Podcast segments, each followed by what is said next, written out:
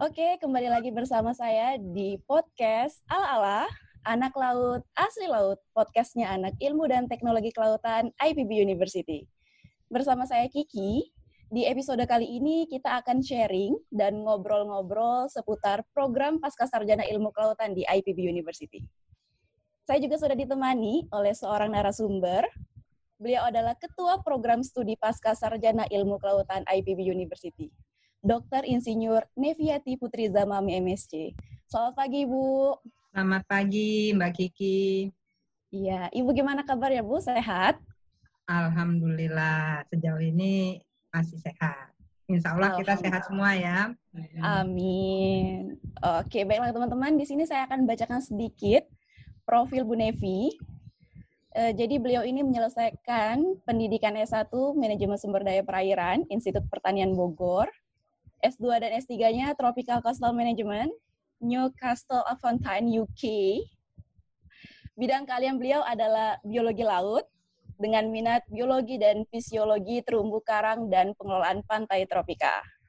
Oke, kita lanjut nih, Bu.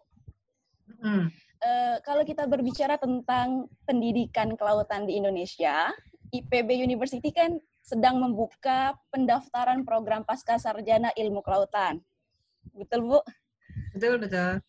Nah, uh, Ibu sebagai uh, selaku ketua pro, uh, ketua program studi mungkin bisa sharing nih kepada teman-teman semua terkait dengan program pasca sarjana ilmu kelautan itu seperti apa dan apa saja yang perlu dipersiapkan untuk bisa apply program tersebut. Ya, silakan Bu. Baik, terima kasih Mbak Kiki. Jadi teman-teman, eh, untuk program studi ilmu kelautan uh, eh, IPB ini sebenarnya merupakan yang pertama di Indonesia. Jadi uh, kita melalui dulu uh, ada untuk ITK juga yang S1 kita mungkin yang merintis ya. Jadi memang IPB adalah perintis untuk adanya program studi ilmu kelautan. Makanya saya waktu S1 itu dari program dari jurusan dulu jurusan manajemen sumber daya perairan karena belum ada ilmu kelautannya pada zaman saya di IPB dulu ya. Ya, nah, setelah uh, di dalam uh, kenapa kita perlu membangun dulu program studi ilmu kelautan? Karena ternyata kalau kita lihat negara Indonesia itu itu merupakan negara kepulauan terbesar di dunia. Tidak ada yang mengalahkan kita. Kita unggul sekali di situ, yaitu sekitar 17.500-an. Terakhir Bapenas bilang 504 pulau. Kemudian untuk ekosistemnya, terumbu karang, mangrove, seagrass, untuk ekosistem tropisnya kita merupakan yang tertinggi keanekaragaman hayatinya di dunia. Kalau hutan kita masih nomor dua di bawah Brazil. Tapi kalau laut itu adalah Indonesia. Nah, dari garis pantai kita juga yang terpanjang nomor dua kalau saya tidak salah setelah Kanada sekitar 81 ribu kilometer. Sangat disayangkan dengan kita potensi seperti ini, ahli-ahli kelautan kita pada masa ITK berdiri, pada masa ini didirikan, itu sangat kurang. Dan kalau tidak salah Mbak Penas dan juga uh, Ristek Dikti dulu pernah menghitung kita masih butuh banyak sekali tenaga-tenaga ahli di bidang kelautan. Karena hampir dua per tiga wilayah kita itu ditutupi air. Indonesia itu sebetulnya negara di atas air gitu ya. Karena daratan kita sama perairan kita jauh lebih luas perairan kita. Jadi kalau kita bicara ilmu kelautan, Alhamdulillah itu mahasiswa-mahasiswa kami dari ilmu kelautan, kalau dari track record kita, itu masa tunggu untuk mencari pekerjaannya relatif tidak terlalu lama dan uh, cukup masih besar peluang-peluang lapangan pekerjaan di sektor kelautan. Nah, itu salah satu alasan uh, kenapa sih kita uh, layak masuk ke IKL. Kalau kita buka lagi ya di program-program riset yang ada di Indonesia saat ini, yang namanya riset kemaritiman, di dalamnya ada kelautan, itu selalu men masih menjadi program unggulan. Kemudian kita lihat di beasiswa LPDP. Di beasiswa LPDP, kelautan itu masih menjadi unggulan. Kemudian karena kita kelautan ini belum terlalu lama, masih banyak program studi-program studi baru yang tumbuh di berbagai universitas di Indonesia.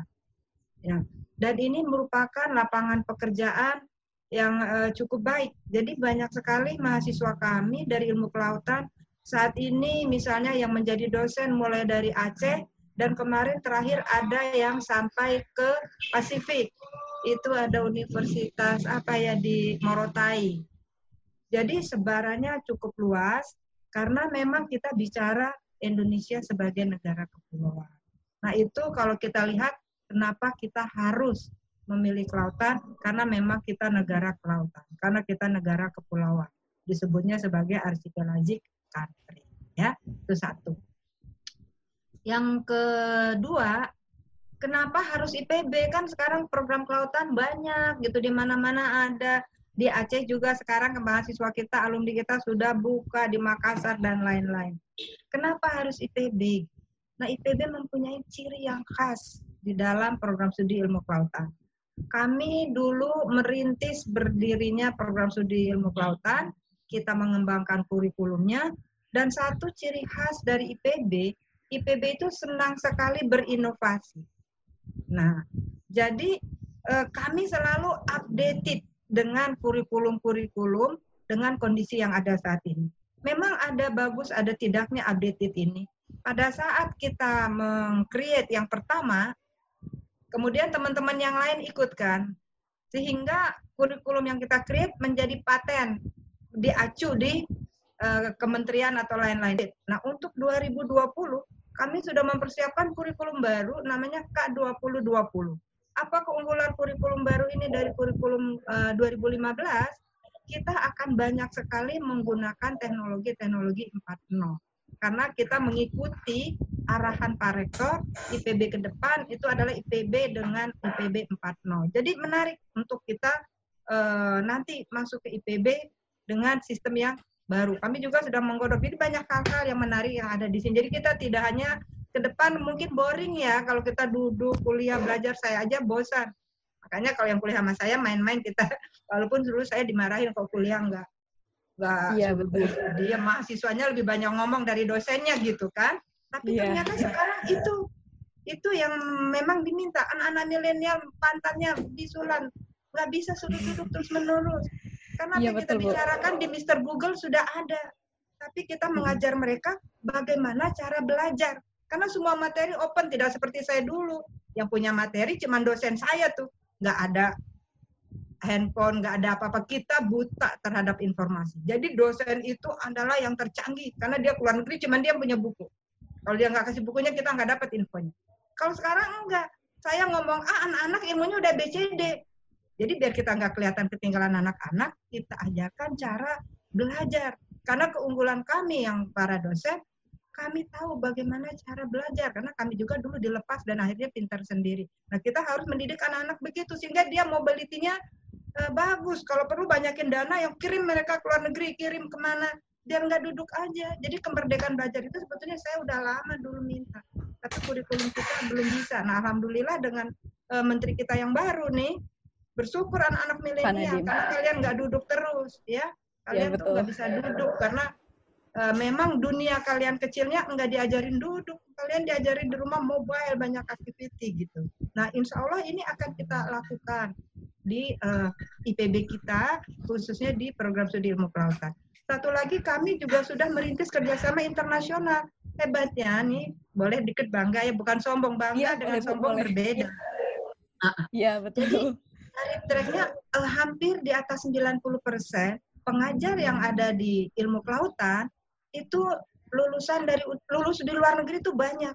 Di luar negeri bahkan universitas di bawah IPB kelasnya banyak tapi track record pengajar kami itu di luar negeri dengan universitas yang dia termasuk papan atas. Nah, dulu Newcastle upon Time udah ganti nama, sekarang Newcastle University. Peringkatnya di atas IPB. Oh. Jadi rata-rata kami lulus di universitas yang di atas IPB. Artinya, tentunya kami punya network yang bagus. Jadi bukan lulus universitas bagus, kita pinter, tidak pinter itu mah nggak usah keluar negeri juga bisa hmm, pinter. Betul. Banyak dosen kita yang tidak lulus luar negeri. Saya kasih contoh nih, saya bangga nih satu dengan Pak Johnson misalnya. Dari IPB tapi sekarang kaliber internasional, dikenal di internasional gitu. Jadi uh, kita punya network bagus. Ah, untungnya apa? Kita bisa membangun kerjasama. Jadi dari IKL banyak yang kami kirim. Kami punya program uh, namanya game. Itu setiap tahun kita kirim sudah 10 tahun programnya kerjasama dengan Jerman. Kita ada program RISE dengan Jerman. Ini yang akan datang kita ada program namanya double degree. Beli satu dapat dua. Nah ini yang kita masih cari mahasiswanya nih. Ya, betul. Jadi, tahun ini kita launching. Kalau nggak tahun ini mahasiswanya dapat, tapi kita akan launching programnya di webnya Pasca. Jadi teman-teman bayar satu di IPB, dapat dua double degree. Satu double degree-nya sebagai ilmu sarjana ilmu kelautan, magister, satunya sarjana bioteknologi kelautan. Itu kerjasama Indonesia dengan NCSU, eh, National Sun Yat-sen University di Taiwan. Nah, kemarin harusnya kami punya mahasiswa saat ini. Memang kesalahan ada di kami karena perjanjiannya uh, mahasiswa itu tadi bayar biaya hidup sendiri, tapi mereka tidak. Mereka di NCSU buat mahasiswa Indonesia sudah siapkan biaya hidup di kita tidak menyiapkan biaya hidup untuk mereka sehingga mereka mengcancel. Nah, kami akan carikan biaya hidup. Jadi Anda bayar di sini satu, di Taiwan biaya hidup ditanggung, penelitian nggak pusing lagi ditanggung. Apa ini tidak menguntungkan? Nah, sangat kemarin menguntungkan. sangat menguntungkan. Memang hmm. program internasional kalau tidak salah biayanya cukup mahal. Namun kami sekarang sedang negosiasi dengan Pasca, bisa nggak Pasca mensubsidi program internasional ini sehingga bisa dengan SPP reguler. Ini masih negosiasi. Kalau bisa, wow, ini program yang luar biasa ya. Bayar harga reguler, dapat satu, kuliah dua, keluar negeri pula lagi. Di mana kita cari yang seperti ini kalau tidak di IPB? IPB. Hmm. Oke. Okay. Di IPB oh, di ya, program apa? Jangan ilmu lupa kelautan. di IPB di program studi ilmu, ilmu kelautan, ilmu ya. Oke, mudah-mudahan okay. nih adik-adik kalau juga kalau ada pertanyaan jangan ragu-ragu bisa langsung hmm. bertanya ke saya. Saya itu senang ngobrol dengan mahasiswa. Atau kita juga ada Mbak Ani yang juga bisa memberikan informasi. Silakan datang ke program studi IKL apabila ragu sebelum mendaftar. Kami siap memberi penjelasan yang dibutuhkan oleh teman-teman yang ingin mendaftar. Oke. Okay. Oke. Okay. lagi Oke, okay, Bu. Uh, kan program pasca sarjana IKL ini kalau nggak salah terdiri dari tujuh skop atau ruang lingkup ya Bu ya? Mm -hmm. Uh, uh, kalau boleh tahu apa aja nih Bu supaya teman-teman di sini pada tahu dan semakin berminat buat gabung di IKL.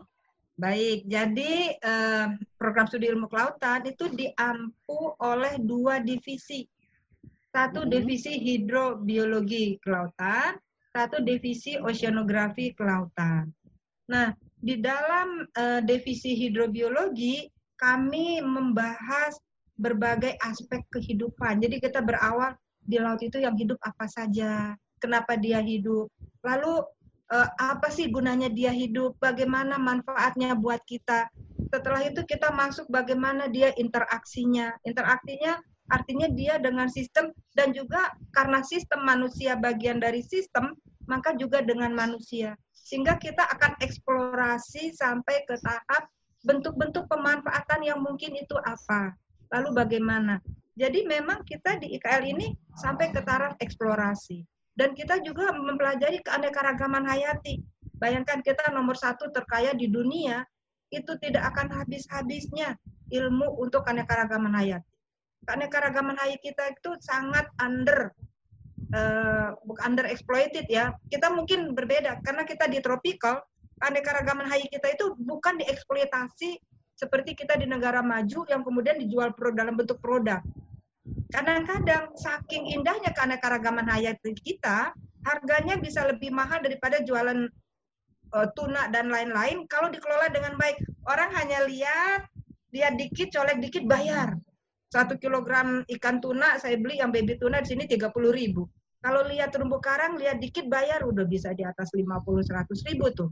Jadi kita harus pintar mengemasnya. Nah ini keanekaragaman hayati ini, ini masih luas sekali. Kalau ada teman-teman yang ingin jadi ahlinya, jadi penemunya, ingin namanya keren di dunia. Banyak teman-teman saya dari Belanda yang kalau join, begitu menyelam satu kali dapat spesies baru. Jadi anak-anak ITK, anak-anak lautan, itu punya potensi untuk jadi orang top. Penemu-penemu di bidang keanekaragaman dan kita sangat kurang. Kemarin saya dapat dana untuk ahli taksonomi kelautan, enggak ada yang berminat, padahal itu bidang yang cukup menarik. Nah kemudian kehidupan ini kita juga mempelajari lingkungannya di divisi oceanografi yang belajar Jadi ada makhluk ini, lalu ada laut bergoyang. Gimana goyangnya laut? Itu kita pelajari di oceanografi. Oceanografi itu dulu ilmu yang memang orang sangat sulit berminat. Padahal itu ilmu yang sangat bagus.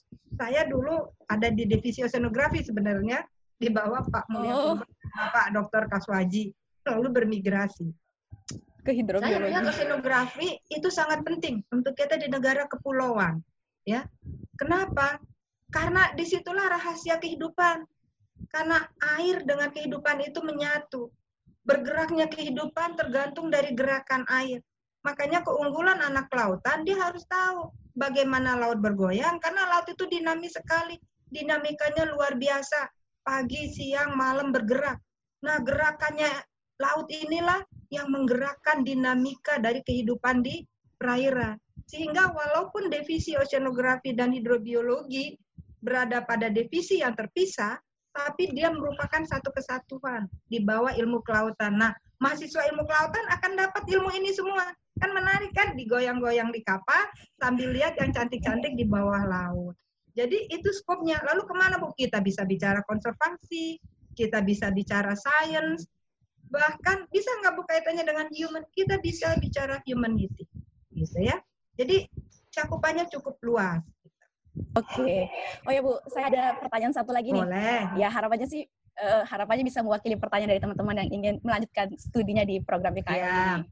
Nah, tadi kan uh, Ibu sudah menjabarkan tentang IKL dan saya ingin nanya nih Bu, biasanya itu uh, fokus riset dan hasil riset riset IKL itu sendiri seperti apa ya Bu ya?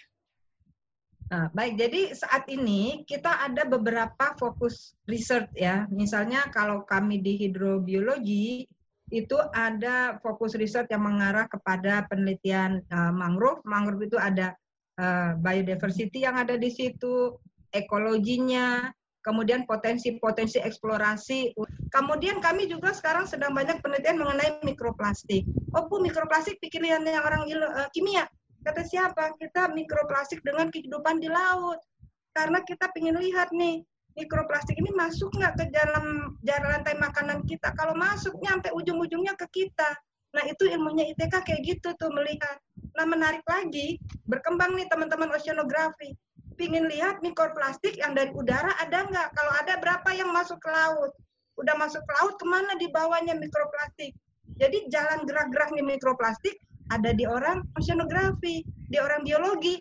Dari laut yang masuk itu, lalu ke makanan gimana, ke rantai makanan. Nah itu sekarang riset itu kita sedang jalani. Lalu ada riset bioprospeksi dan bioremediasi. Nah di oceanografi selain yang air bergerak, ada juga oceanografi perikanan. Berbicara bagaimana mencari tempat-tempat yang banyak ikan dan lain-lain dengan menggunakan parameter oceanografi.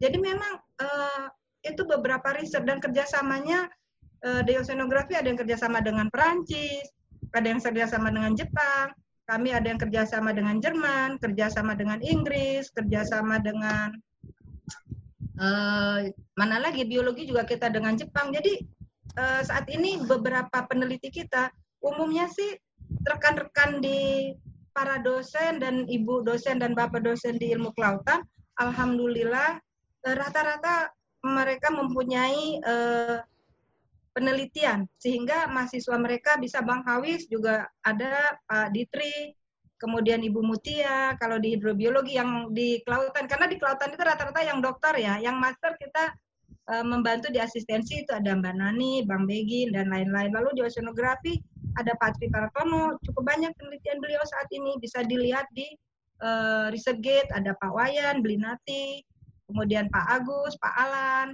Bu Yuli, kemudian ada Mbak Tri Hartanto, dan yang muda-muda yang lainnya. Jadi uh, track record kami cukup bagus dan H index kami juga cukup bagus. Itu bisa teman-teman cek di uh, Scopus. Kalau saya tidak salah, Prof. Ditri termasuk tinggi nih H indexnya gitu ya. Kenapa ya, kita di H index? Jadi kalau mau lihat kualitas dosen, lihat di H indexnya.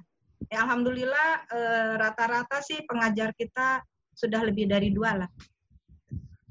Alhamdulillah. Jadi, cukup berpotensi. Ada okay. lagi Mbak Kiki? Oke, sepertinya udah semua Bu. Tadi Ibu sudah menjelaskan uh, uh, up, uh, unggulan dari IKL ini seperti apa sehingga teman-teman tertarik buat uh, join di program ini. Terus Ibu juga sudah jelaskan tadi fokus riset di IKL itu seperti apa dengan prestasi-prestasi mahasiswanya yang sangat luar biasa sehingga menghasilkan lulusan-lulusan yang bekerja di tempat yang luar biasa juga. Satu lagi Oke, sebelum saya lupa hmm, ada ya. bahwa kami para dosen di ilmu kelautan kami semuanya itu orangnya ramah-ramah dan enak-enak pokoknya nah, asik dengan dosen-dosen kelautan itu yang ya. pertama tidak ya. ada stres kuliah dengan enjoy dan relax tapi sukses. Tiga, santai, serius, dan sukses. Oke, betul. Santai, serius, dan sukses. Uh, Oke, Bu Nevi, terima kasih banyak atas waktunya. Sudah berkenan sharing kepada kita semua. Sepertinya teman-teman ini pada antusias nih, Bu, buat segera join di ya. KL. Oke, semoga mantap. Oke, semoga di lain kesempatan kita bisa sharing kembali ya, Bu ya. Siap. Ya, siap. Kapan pun nah, saya siap. Oke. Nah, buat teman-teman yang ingin join atau ingin apply program ini bisa banget kunjungi link pendaftaran di admisi.ipb.ac.id karena IKL ini sedang membuka pendaftaran batch kedua ya, Bu ya? Ya, insya Allah yes. batch kedua kita berharap teman-teman bisa bergabung dengan kita. Iya, betul. Sudah dimulai dari tanggal 13 Mei sampai dengan tanggal 28 Juli 2020. Buat teman-teman jangan sampai ketinggalan ya. Nah, masuk di batch 2. Oke, siap. Untuk informasi lebih lanjutnya, teman-teman bisa kunjungi akun Instagram resmi kami di @itk.ipb dan di website kita itk.ipb.ac.id. Nah, oh ya Bu, uh, podcast ala-ala ini sudah ada di Spotify, dan mungkin bagi teman-teman yang ingin melihat dalam bentuk video, kita nanti akan upload di channel ITK Marine Science and Technology. Dan jangan lupa uh, channel YouTube-nya di like, komen, dan subscribe. Dan pastikan aktifkan lonceng notifikasinya supaya teman-teman semua tidak ketinggalan video-video dari kita. Oke, sebelum uh, saya tutup podcast ala-ala kali ini, saya ada sedikit pantun nih Bu buat teman-teman semua ke laut kita bersenang, menikmati alam bersama teman. Jika kamu suka berenang, yuk kuliah di ilmu kelautan. Hai, mantap pantunnya. Mantap. Oke, saya Kiki. Terima kasih dan sampai jumpa di episode selanjutnya. See you.